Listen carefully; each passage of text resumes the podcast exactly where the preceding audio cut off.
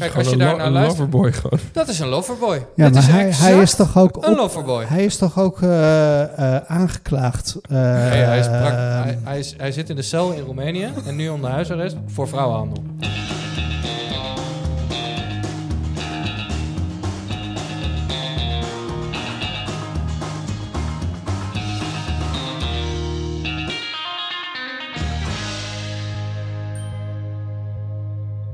Yo, welkom bij Don't Be a Penguin, de podcast over positioneren.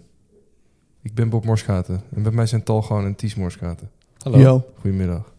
Oké, dit was leuk geweest. Dit is natuurlijk helemaal niet mijn personal brand, want iedereen kent mij. Mijn haar moet gewoon door de war zitten. Doe mijn koptelefoontje weer op. Maar we gaan het dus vandaag hebben over personal brands, influencers. En dat vind ik eigenlijk heel erg leuk, want er zit, die komt iedereen overal altijd tegen, de hele dag door. Jij bent erdoor geïnfluenced, jij bent erdoor geïnfluenced. Het geldt voor mij precies hetzelfde. Eh, dus het is eigenlijk een soort van special omdat we er dagelijks mee te maken hebben. Je hebt ze in de vorm van Twitch-streamers, YouTubers, TikTokkers, sportfiguren, presentatoren. Ga zo maar door. Eigenlijk, ze zijn nou eigenlijk overal eh, waar je kijkt. Wij vonden het dus hoog tijd om te kijken naar het persoonlijke merk. Kennen jullie Gary Vaynerchuk nog? We hebben het al eens eerder over gehad. Zeker. Een klein shortje van Gary Vaynerchuk om het mee af te trappen. You want to win in video? You have to know who you are as a communicator and not try to push yourself to be some other communicator. Some of you are funny, get funnier. Some of you are clever with words, feel comfortable. Do you know how underestimated I am for my professional career? That people have no concept of how many big businesses I've built and what I do for a living because my style of communication feels spiely. And I'm willing to walk around on earth underestimated because I have no interest in slightly tweaking down my energy because that's just not who I am. And it doesn't matter what people think. The truth is the truth. What about making videos where you just read? It might not be as compelling as I I, but that's you. This game is completely based on you being comfortable in the way you make and talking about shit you know. And most people are doing neither. Wat hij dus op het einde zegt, vind ik echt heel interessant. En voor, als je het hebt over positioneren, ik weet niet of jullie het hiermee eens zijn, is dit een beetje de kern. Je kan eigenlijk van alles kiezen, al is het heel klein. Verdiep, ga je, vestig je daar in die niche en je kan iets worden. Ik bedoel, dit vind ik heel aansprekend. Wij willen vandaag dit thema bespreken aan de hand van drie grote bekende persoonlijkheden. We gaan in op hun identiteit en wat ze gebruiken om zich te positioneren. Maar voordat we daar dieper op ingaan, is er nog een wiki-rubriek. Ja. En die heb jij. Ja, die heb ik. Ik wilde even gewoon beginnen met de vraag. Gebruiken jullie wel eens middeltjes voor het gezicht? Schoonmaken, verzorgen, zoiets. Tal, jij? Nee, nooit. Nooit? Niks? Nul? Nul. Nul. Huidcrème. Huidcrème. Tal, jouw vrouw, vriendin, gebruikt die wel eens huidcrème? Ja, ja. Wat kost zo'n potje? Dat, dat weet ik niet precies. Maar orde van grootte? Nou, volgens mij heeft ze dan, eh, laatst is ze dan bij zo'n specialiste geweest. En, die, en dan krijg je hele kleine potjes mee. Met hele dure dingen. en dan hele dure dingen erin. Ik denk dat de inhoud van zo'n potje is duurder dan goud. Maar goed, dat gebruikt mijn eh, vriendin eh, niet. Oké, en, en jij? Eh, huidcrème. En eerst heb ik ook wel duurdere huidcrème gebruikt. Maar ja, toen hoorde ik dat ook in goedkopere crèmes van bijvoorbeeld de Lidl. Een vriendin van mij die had, in, toen we het over Lidl hadden, die had toen van die nachtcrème bij de Lidl gekocht. En dat was dan hetzelfde. Het zou dan hetzelfde zijn als crème van Vichy van 600 euro. Ja. Ik geloof er niet meer in, dus ik koop gewoon Nivea Ja. nachtcrème. Ja, nou, dat is wel leuk wat jij nu zegt en, en wat jij ook zegt. Kijk, er is dus een merk. En kijk, als, als jij nu een, eh, een vrouw bent die heel erg actief bent op, is op Instagram... en ik laat dit merk zien, zegt ze... oh jezus, oud nieuws. Oh ja? Ja, is oud nieuws. Jullie hebben dit nog nooit gezien, denk ik? Ja, ik heb het al eens gezien. Ik Je niet. hebt het wel eens gezien? Ja. Oké. The Ordinary. Dit is dus The Ordinary.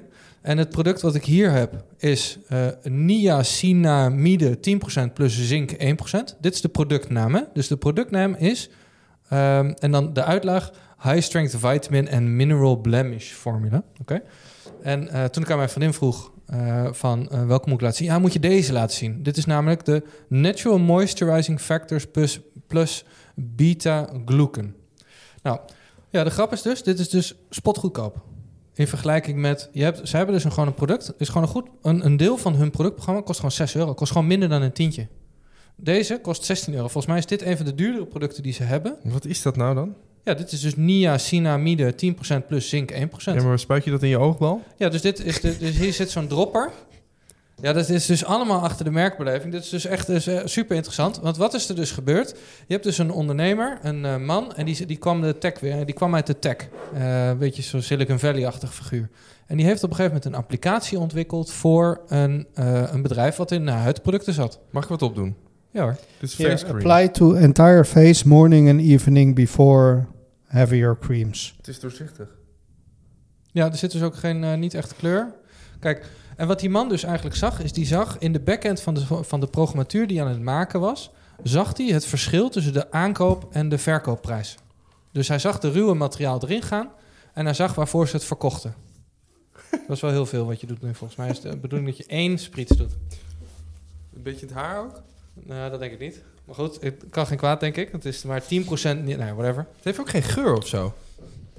Wat hij dus eigenlijk- een soort foundation, nachtcreme. En dus dit applyen before applying heavier creams. Oh, kut. Dat heb ik dus net denk verkeerd dat gedaan. ik nu die moet hebben. Ja, kut. maar kan ik die ook nog doen? Ja, vast. Nee, dat is te, verkeerd om dus. Oh, Dat moet je dus eigenlijk niet doen. Shit, oké.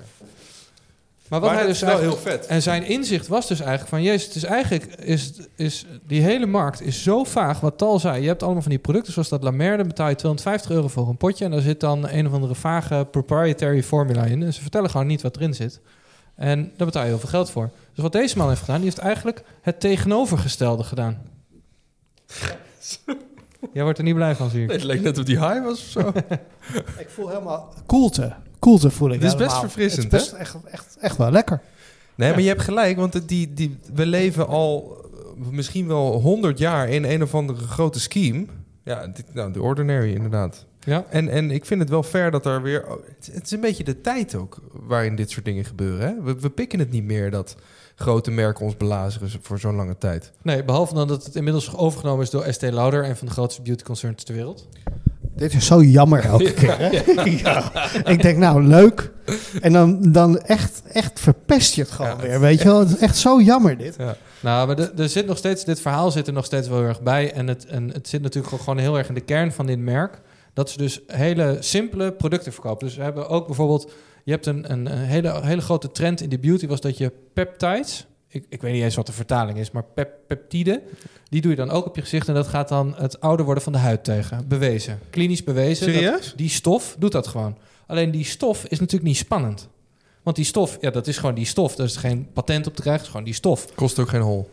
Of wel? Dus zij doen het in een potje en zeggen gewoon... peptides kost 15 euro, hier heb je een potje, hoge kwaliteit, goed geregeld. Dus dit heeft niks te maken met iemand die uit de beauty kwam. Dit Nee. was iemand die zag hoe bizar, eh, eh, hoe bizar de marges waren... en hoe vaag de beloftes waren. Dus hij, zijn hele merk is, de naam van het product is wat erin zit. Maar dit ga ik wel overwegen, zo'n zo'n tubetje. Ja, Ja, kijk, en je nou kan het ook wel gebruiken volgens mij. Ja, mijn een beetje zwaar, een paar zware weken achter Nou, de rug. iedereen, iedereen zegt altijd, eh, maak je die podcast met je jongere broer.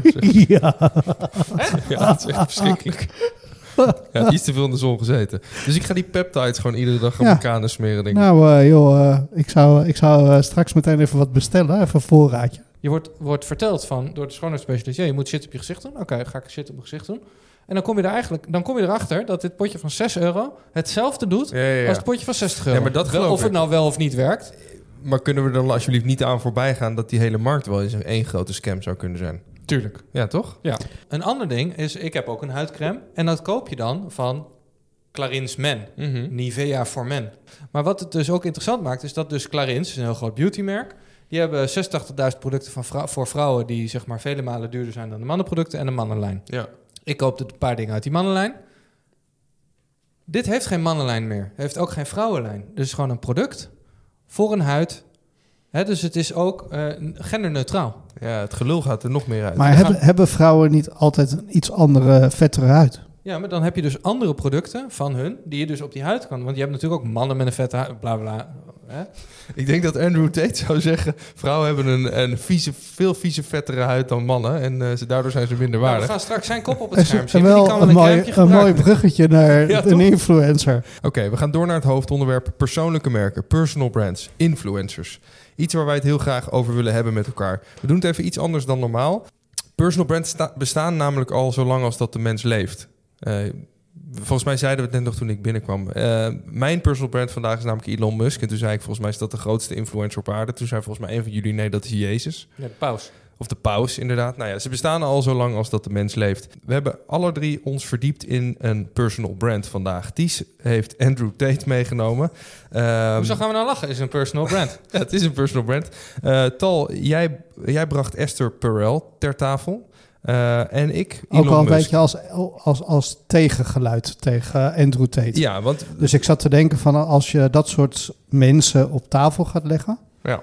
Zelfs Elon Musk is toch ook wel een beetje evil eh en langs ze de zitten allemaal ergens op een spectrum mensen te beïnvloeden. Ja, dacht ik van nou, dan moet ik iemand gaan zoeken die ook wel mensen beïnvloedt, maar wel met volgens mij de goede bedoelingen. Ja. Nou ja, en wat dus interessant is om te, is om te kijken naar hoe doen ze dat, hoe positioneren ze zichzelf, doen ze dat bewust, al dat soort vragen vind ik heel erg interessant en wat jullie daar natuurlijk verder over te zeggen hebben. Ja. Ties, ik dacht we beginnen even met jou en dan beginnen we ook gelijk met een short van Andrew Tate, waarvan jij volgens mij zei dit is nog wel een redelijk positief geluid uit zijn mond. Die gaan Ja. we even kijken. What do you say to young men who come to you for advice? I say that life as a man is exceptionally difficult. The most beautiful and the most terrifying thing about being a man is you're born without value. Society doesn't care about you. You're only going to be cared about based on how useful you are. You have the chance to build yourself up and become a superhero if you're prepared to do the hard work and be indefatigable enough to never quit. But if you're going to stand around and wait for a handout, nobody's going to ever respect you. And it's your duty as a man to stand up and say, I want to be as important and strong and good-hearted and God-fearing as possible. And I need to work hard to achieve those Nou, things. Eh, het is Andrew Tate, geband van Instagram, geband van Twitter, X. Hij, hij mag niet meer op TikTok. Maar zijn content wordt nog eh, heel erg veel verspreid door zijn fans. Wa- kan je uitleggen wat het merk van hem is? Ja, kijk, waarom is Andrew Tate nou interessant? Ik denk dat het, het is een influencer puur zang. Hij kwam ook in één keer vanuit het niets, kwam die op. Eh, met een multilevel marketing scheme, kunnen we het straks even over hebben. Graag, interessant. Ehm, kijk, op het moment dat je zo'n video ziet, dat is een, een motivational speaker. Hè? Dus zo'n video, dan denk ik, ja, wat die man zegt. Je moet hard werken, je moet voor je doelen gaan. Je moet, hè? Hij zegt, you will become a superhero if you're prepared to do the hard work and never quit. Maar Zit hè? er wat in. er zijn slechtere boodschappen om aan de jeugd te geven. Hè? Ja, het is wel een beetje de maakbaarheid. Hè? Dus Tuurlijk. als je je hard je best doet, dan, dan is dit ook niet die man die 12 Bugatti's of zo had. ja, toch? dat is, Dus, Ja. dus iedereen, even, iedere jongere wacht, denkt ja. nu, als je heel hard je best doet, krijg je ook 12 Bugatti's. Maar je moet ook een beetje oplichter zijn. Je moet een beetje... Ja, maar we, we kunnen heel snel, want dit is natuurlijk deze, dit is een hele interessante case om hem al... Marties, je verdedigt hem nog eventjes, begrijp ik. Nou, nee, ik wil eigenlijk even het contrast neerzetten. Is van, hè, want het is heel makkelijk bij deze, om, om, de, om over deze gast heen te pissen. Want, want bijna alles wat hij doet is, is ofwel heel erg cringe... ofwel gewoon hij, hij misbruikt, ja, misbruikend. Misbruikt alles en iedereen. Dus dat, dat is de basis. Dit is echt een verschrikkelijk figuur. Maar wat is zijn aantrekkingskracht? En dat is denk ik heel erg even interessant. Is dus dat het lijkt erop als je bijvoorbeeld de berichtgeving uit het Verenigd Koninkrijk leest, alsof er hele generaties zijn die zonder eh, mannelijk rolmodel als voorbeeld leven. En die klampen zich vast aan de duidelijke, simpele boodschap van Andrew Tate. En op het moment dat hij je ge- opgepakt heeft met je moet hard werken en dan kun jij ook een Bugatti rijden, hè, laten we zeggen dat dat een beetje de stelling is. Daarna komt er nog ergere shit. En dan, dan, dan is het einde is een beetje zoek. Hè? Want voordat hij alleen nog maar dit zei, want nu zegt hij eigenlijk alleen nog maar dit soort dingen. Hij heeft Oh, het ja. niet meer over vrouwen en zo. Hij is wat gematigder Hij is geworden. wat gematigder geworden. Had hiervoor had hij ook een van zijn courses. Dat was een PhD-program. denk je, nou, dat klinkt best redelijk, hè? hè? Maar dat was het Pimping Host Degree. Wat? Pimping Host Degree. Wat Ja. de hel, wat is En dat? ehm, op die webpagina... Ja, je weet wel wat pimping hoes. ja, dat is, is- gewoon het, het, het, uithoereren van vrouwen, toch? Ja, Ja, dat je een pooier exact- bent. Een exact pooier, ja. Ik zal even een quote... PhD, pimping host degree. Jezus. Dus ik zal even een quote van die course. Want je kon dus een course kopen bij hem. Waarin, je uit, waarin hij uitlegde hoe, die, hoe je dat moet doen. En toen zei hij: How did I become rich? Webcam. I've been running a webcam studio for nearly a decade. I've had over 75 girls work for me, and my business model is different than 99% of webcam studio owners.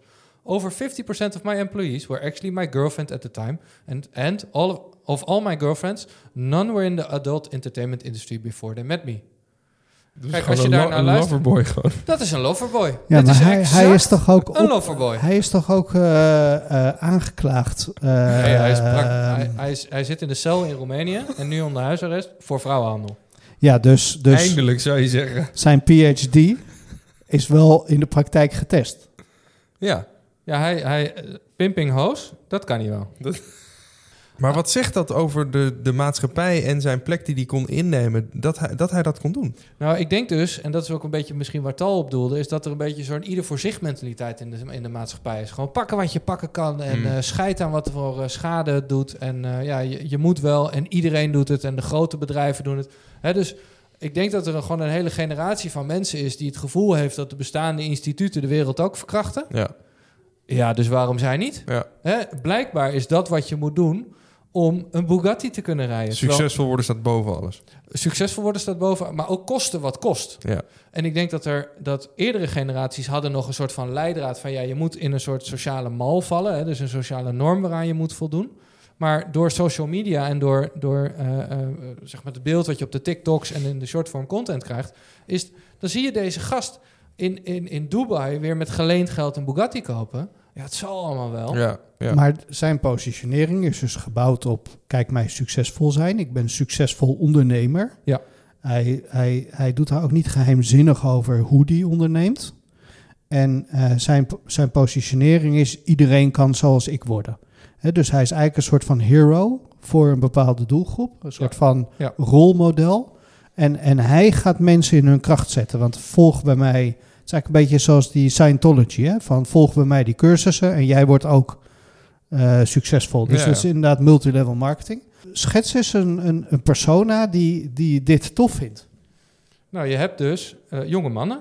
Dus jonge mannen, ik denk vanaf een jaar of 16 tot aan een jaar of 25, die, hun, die niet zeker zijn over hun plek in de wereld. Ik, dat is hem. Die moeite hebben met het praten met vrouwen, die, die in een soort zwart gat vallen van ja, wat moet ik nou met mijn tijd? Of praten met mannen. Nou Oh, ja, dat- of, dat- of waarvan het zelfvertrouwen ontbreekt. Hè? Ja. Dus een algeheel gebrek aan zelfvertrouwen.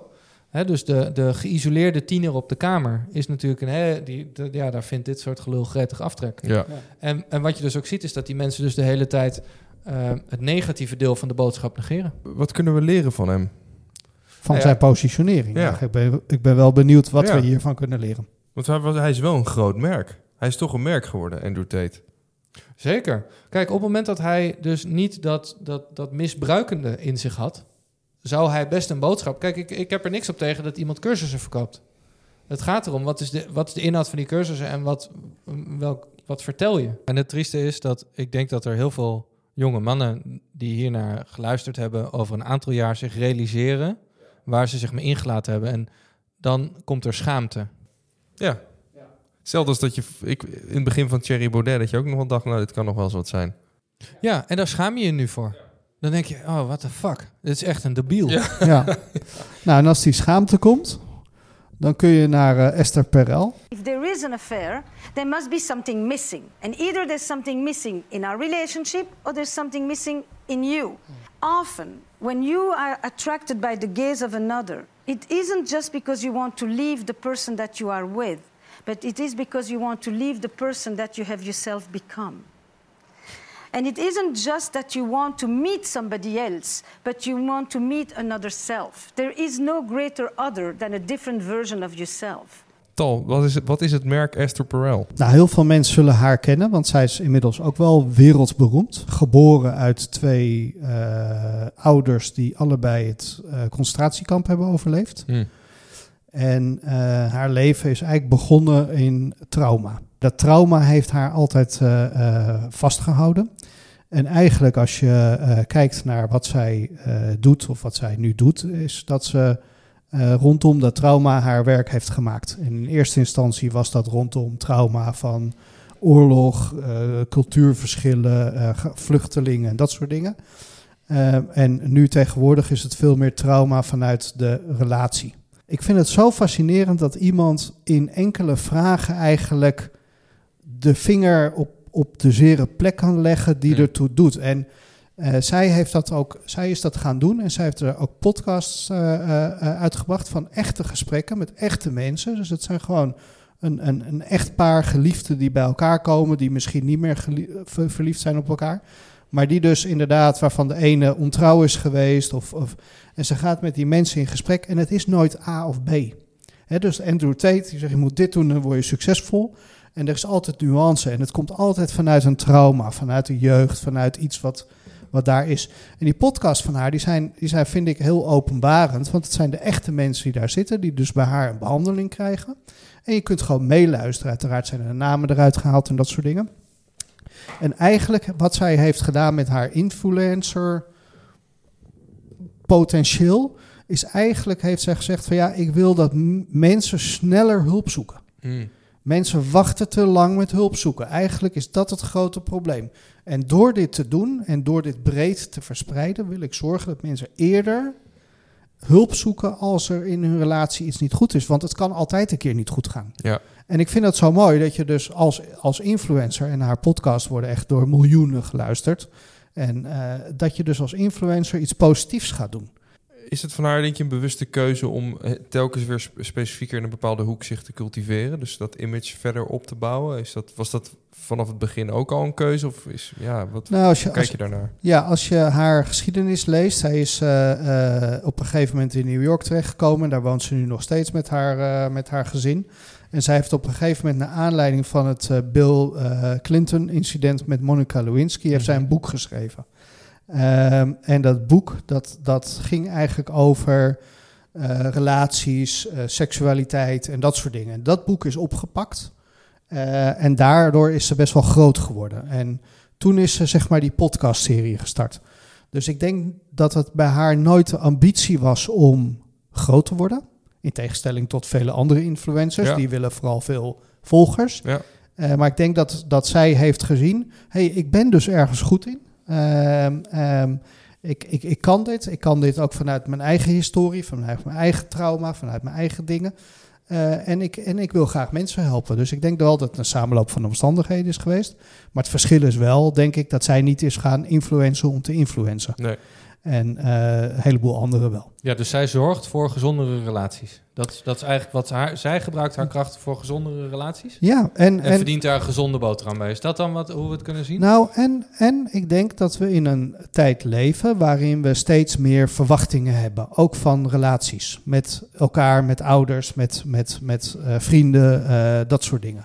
En ik denk dat zij heel belangrijk is in deze tijd waarin we zo hoge verwachtingen van alles hebben. Dat ze ook dingen kan nuanceren. Ehm, eh, want anders bezwijken we, en dat is ook iets wat zij zegt, hè, mensen bezwijken onder de druk die we onszelf opleggen met Ja, betrekking precies. tot verwachtingen die wij hebben van relaties.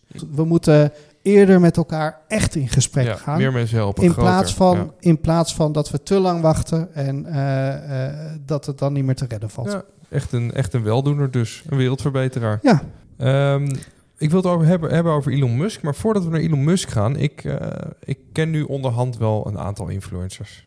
Ik heb een vriend van mij, Thibaut, die doet het onwijs goed op TikTok. Die heeft volgens mij in een jaar... is die van, eh, nou noemen ze wel 20.000 naar 140.000 TikTok-volgers gegaan. Hij is echt een social hacker, zeg maar. En ik vroeg hem over WhatsApp, Thibaut... ehm, wat is jouw personal brand en hoe werk jij aan je positionering? Ik wil dat heel even aan jullie laten horen. Dan heb ik een paar vragen daarop. Hoe werk ik aan mijn eh, personal branding? Ik werk aan mijn personal branding eigenlijk door middel van ja, zelf veel te maken en ook te kijken hoe anderen te werk gaan. Eh, die kennis mee te nemen en ook eh, toe te passen. Uh, dit is één. Dan gaan we naar Thibaut positioneren.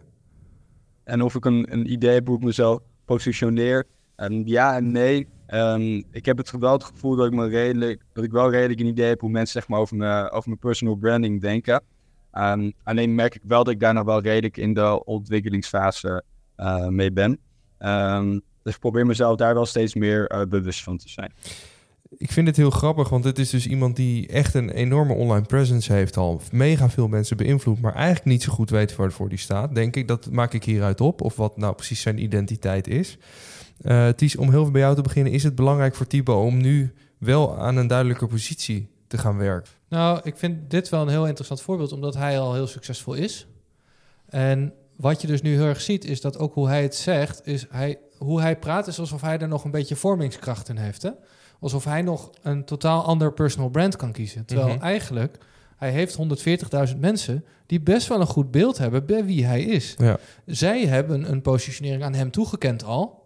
En eigenlijk moet hij die gewoon gaan ontdekken en kijken welke bewegingsruimte daar nog in is. Hij kan niet in één keer zeggen: ik ga de Mr. Beast van TikTok worden. Dat gaat niet werken. Nee. Hè? Want zijn personal brand, eh, die 140.000 mensen, die gaat hij niet overboord gooien om zeg maar ineens van richting te veranderen. Dat vindt zijn agentschap niet leuk en hij denk ik ook niet. Nee. Ehm, dus ik denk dat het heel verstandig is om daarmee aan de slag te gaan. Alleen dat hij meer moet gaan ontdekken wie die is, wat zijn positionering is, meer dan dat hij die nog kan gaan vormen. Ja, want dan gaat hij wat hij al heeft, kan hij gaan cultiveren. Dus waarvoor hij erkend wordt en waarvoor hij geliefd wordt, dat kan hij gaan cultiveren, waardoor hij nog succesvoller zal zijn. Ja, kijk, en de enige vraag is dus dat op het moment dat hij dus, stel, eh, hij doet de, de allerbeste manier is om die 140.000 mensen allemaal te spreken, bij wijze van spreken, en te zeggen van, hé, hey, wie ben ik en waarom luister je naar mij?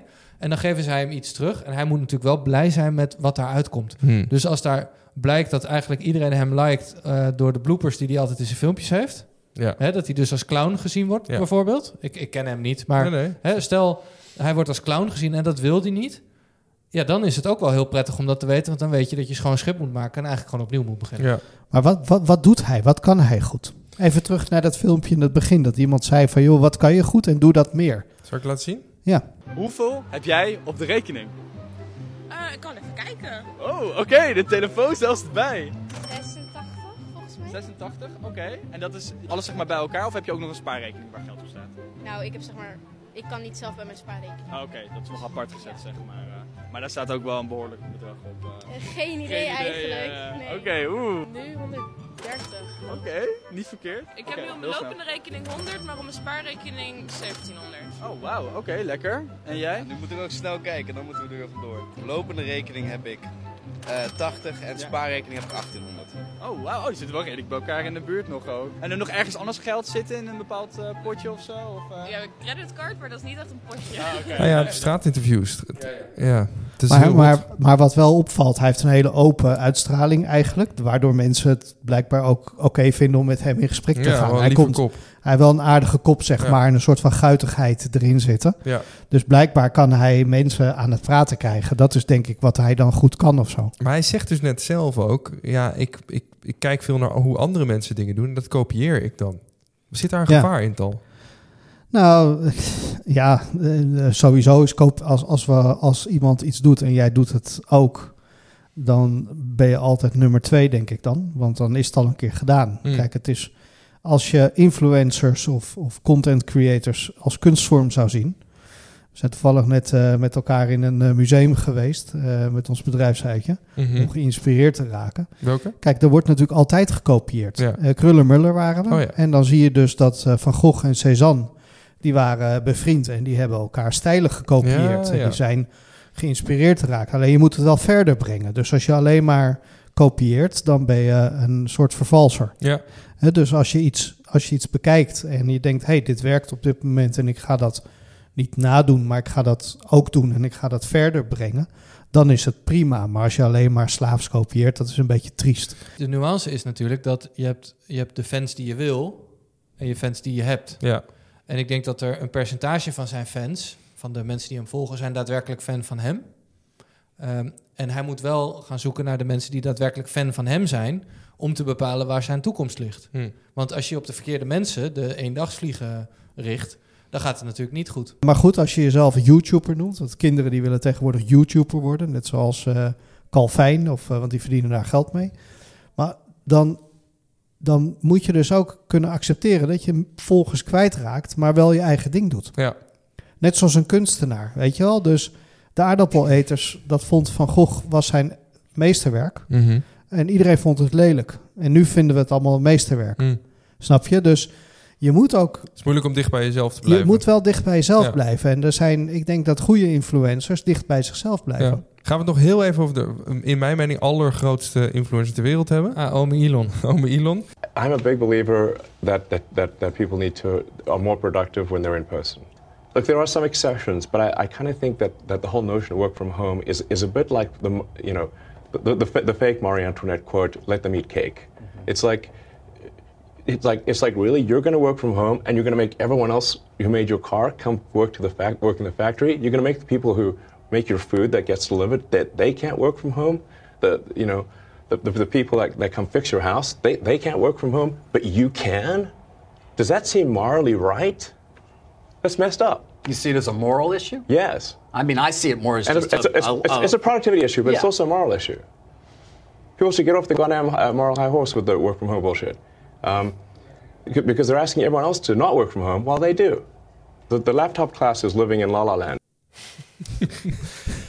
Voel je hoe sterk deze mening is over, over een trend waar heel veel mensen heel blij mee zijn? En hij is eigenaar van, van Twitter en is ook de grootste, het grootste account op Twitter. Eh, iedereen kent hem van, nou, ik noem heel veel bedrijven: SpaceX, Tesla, Boring Company, Neuralink, PayPal, Starlink en dus Twitter. En hij ontleed een soort godenstatus uit dat feit dat hij zo- zo'n succesvolle ondernemer is. En heel veel mensen nemen zijn mening voor waarheid aan. Ik, dat, voor mijn gevoel zit daar, hij is ook de rijkste man ter wereld, daar zit, zit een soort gevaar in. Denken jullie dat hij actief werkt aan zijn persoonlijke merk? Ik weet vrij zeker dat hij werkt aan zijn persoonlijke merk. Ik denk dat zijn karakter alleen hem ook tegelijkertijd tegenwerkt. Oh ja? Leg, voorbeeld, leg eens uit. Nou, hij doet. Eh, Kijk, eh, je hebt natuurlijk de, de tegenstelling bij Elon Musk is dat het een technologisch visionair is. Mhm. Versus een, een, soms een idioot op Twitter. Kijk, ik denk dat we allemaal een beetje het idee hebben dat je, dat je die gekke wetenschapper die al die doorbraken doet, dat je die een beetje tegen zichzelf moet beschermen. Hè? Een beetje de beautiful mind gedachte. En, en eigenlijk zit iedereen ernaar te kijken en van, maar hoezo stopt niemand hem? Ja, maar hij heeft er wel heel veel succes mee. Nou, ik denk, ik denk dus dat, dat hij qua technologische visie en, en, en ondernemerschap. Dan, dan mag ik hem vergelijken met zo'n Esther Perel. Mhm. Die zeg maar gewoon echt wat brengt aan de wereld. Wat je er ook van vindt. Hè? Of je nou, hè, bij Esther Perel zou je ook kunnen zeggen van ja, relatiepsychologie is allemaal gelul. Als je daar aan moet beginnen, kun je beter stoppen iemand anders zoeken. Ja. Bij spreken kun je ook zeggen. Ehm, maar tegelijkertijd zit, zit de manier waarop hij zich vaak profileert op social media, dan zit hij meer richting een Andrew Tate en denk ik, wat ben je nou aan het doen? Ja. Je verwacht dat er een heel team om hem heen is. Die dingen voorbereidt voor hem. Die, Zijn PR, zeg maar. Ja, die zeggen van ja, doe dit wel en doe dat niet. Of zeg dit wel en zeg dat niet. Maar aan die indruk kan ik me niet onttrekken dat er daadwerkelijk iets van leiding omheen zit.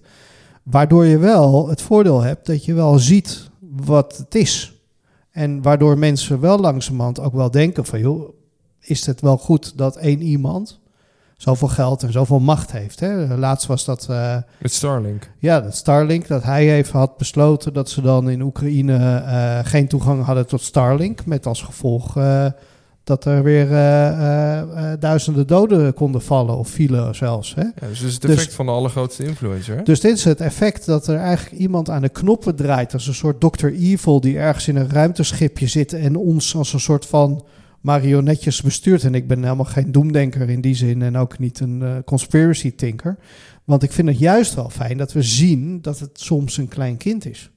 Want, want daardoor begrijpen we dat beter, zeg maar. Er zijn heel veel grote mensen in de historie geweest waar we het niet door hadden. Ja. Dat ze niet helemaal altijd op de juiste weg zaten. En wat Ties net zei, ben ik het ook helemaal mee eens. Want als hij zich gewoon bij technologie had gehouden, dan had iedereen hem nog steeds een coole baas gevonden. Maar is een man die zo strategisch is, die best, dat toch wel mogen we wel zeggen, echt heel erg intelligent is. Denk je niet dat, die, dat dit allemaal part of the plan is? Nee. Ik denk dat dit, dat zijn, zijn aard, ik denk dat dit de andere, de keerzijde van zijn succesvolle kant is. Ja. Dat hij, kijk, dat hij, in, eh, dat hij Dogecoin helemaal geweldig vindt, dat hij van memes houdt. Eh, Het is gewoon een enorme nerd. En Ja. alleen een enorme nerd kan deze visie ontwikkelen. En, en het is, zo, het is die, die kronkel in zijn hoofd maakt hem zo gefocust dat hij dat Tesla overeind heeft weten te houden. Dat hij een tunnelboorbedrijf gaat beginnen. Dat hij die satellieten gewoon dekkend de ruimte inschiet. Maar hij, hij is verder is hij gewoon een troller op Reddit. Ja. En, en die twee mensen lijken niet te begrijpen dat. Hè, want het is ook heel makkelijk om te denken dat als die eerst tien debiele tweets laat doen. Maar daarna komt er een tweet. We hebben een raket in de ruimte geschoten. En we hebben met een autonoom droneschip hebben we die raket weer opgevangen. Ja. En daar ben ik fucking trots op. En ik heb een deel van die motor ontworpen. Ja. Zo, huh? Kijk, wat. Jij begon net over van ik ben geen conspiracy theorist. Wat wel heel Dat ben je interessant. wel. Oh, nee, nee, nee. dat is nu besloten. Een soort Esther Perel. Ja. Ah, Nee, nee. theorist. Nee, Nee, toch? nee ik, ik, ben- ik ben het met je eens. Jij bent geen conspiracy theorist. Maar ehm, wat heel veel conspiracy theorists eigenlijk zeggen... eh, we hadden het er vandaag trouwens bij de lunch... hadden we het daar nog over met één collega...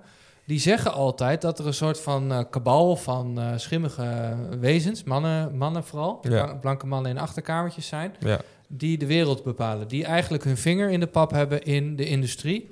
maar ook in de media. Ja. Nou, deze man heeft in zijn eentje... zijn vingers in de industrie en de media. Ties, laatste vraag voor jou. Wat kunnen we leren van zijn persoonlijke merk? Ik denk vooral wat je niet moet doen. ik, denk, ik denk dat hij een soort van... Dat, kijk, zijn persoonlijke merk... de- het fundament van zijn persoonlijke merk is, is inhoudelijk heel sterk. En alles wat erop gebouwd is, is verschrikkelijk. Nou, dit is niet de man die ik een positieve sociale beweging zie bewerkstelligen. Nee, ik zie deze man een technologisch positieve beweging bewerkstelligen. En daar moet hij zich eigenlijk, zou hij zich daarbij moeten houden. Als je het hebt over positioneren, wat hij natuurlijk wel goed heeft gedaan. Als je het hebt over bijvoorbeeld Tesla. Eh, hij heeft niet gezegd ik wil een auto op de markt brengen. Eh, hij heeft gezegd ik wil de energietransitie Ja. versnellen. En dat is wel een unieke positionering in die tijd. Hè? Ja. Toen was hij de eerste die met een soort elektrische auto op de markt kwam. En dat heeft hij heel succesvol gedaan. Hm. Eh, dus ik denk wel dat er wel een soort van genialiteit in zijn persoon zit. En ook wel een soort van genialiteit in hoe die merken bouwt. Hè, want het verhaal dat hij naar Mars gaat, ja, dat, daar is hij wel echt serieus mee Mm. bezig. Mm. Ja, ja. Is het een eh tal oplichter of wereldverbeteraar? Nou, het is, ik, denk niet dat je het, dat je, ik denk niet dat je het een oplichter kan noemen. Hm. Ik denk dat dat, dat, dat niet, eh, niet eerlijk is. Nou, hij is Ik- zeker oprecht. Kijk, waar Esther Perel denk ik daadwerkelijk voelt wat mensen eh, voelen. En eh, liefde en, en zorg en dat soort dingen. Is hij zeg maar aan de andere kant van het Ja, spectrum. precies. Als je een as zou hebben met eh, eh, compassie. Ja. Dan denk ik dat Esther Perel heel erg eh, hoog scoort. En ik denk eh, Elon Musk eh, heel erg laag. Ja, en Andrew Tate is een psychopaat. En Andrew Tate die valt van de as af. Eh, maar ja, ik denk wel dat, dat hij eh, een wereldverbeteraar is. Ja. Thanks, mooie conclusie. Dank jullie wel voor vandaag. Eh, en jullie ook voor het kijken en het luisteren. Als je nog ideeën hebt voor onze show, vragen, stel ze gewoon via ons mailadres don'tbeapenguin@merkelijkheid.com. Laat een comment achter op YouTube of waar je luistert of kijkt. Eh, ik wil jullie bedanken voor het kijken en het luisteren. Volg ons ook op alle kanalen. Tal bedankt, Ties bedankt en tot de volgende. Tot de volgende. Bye.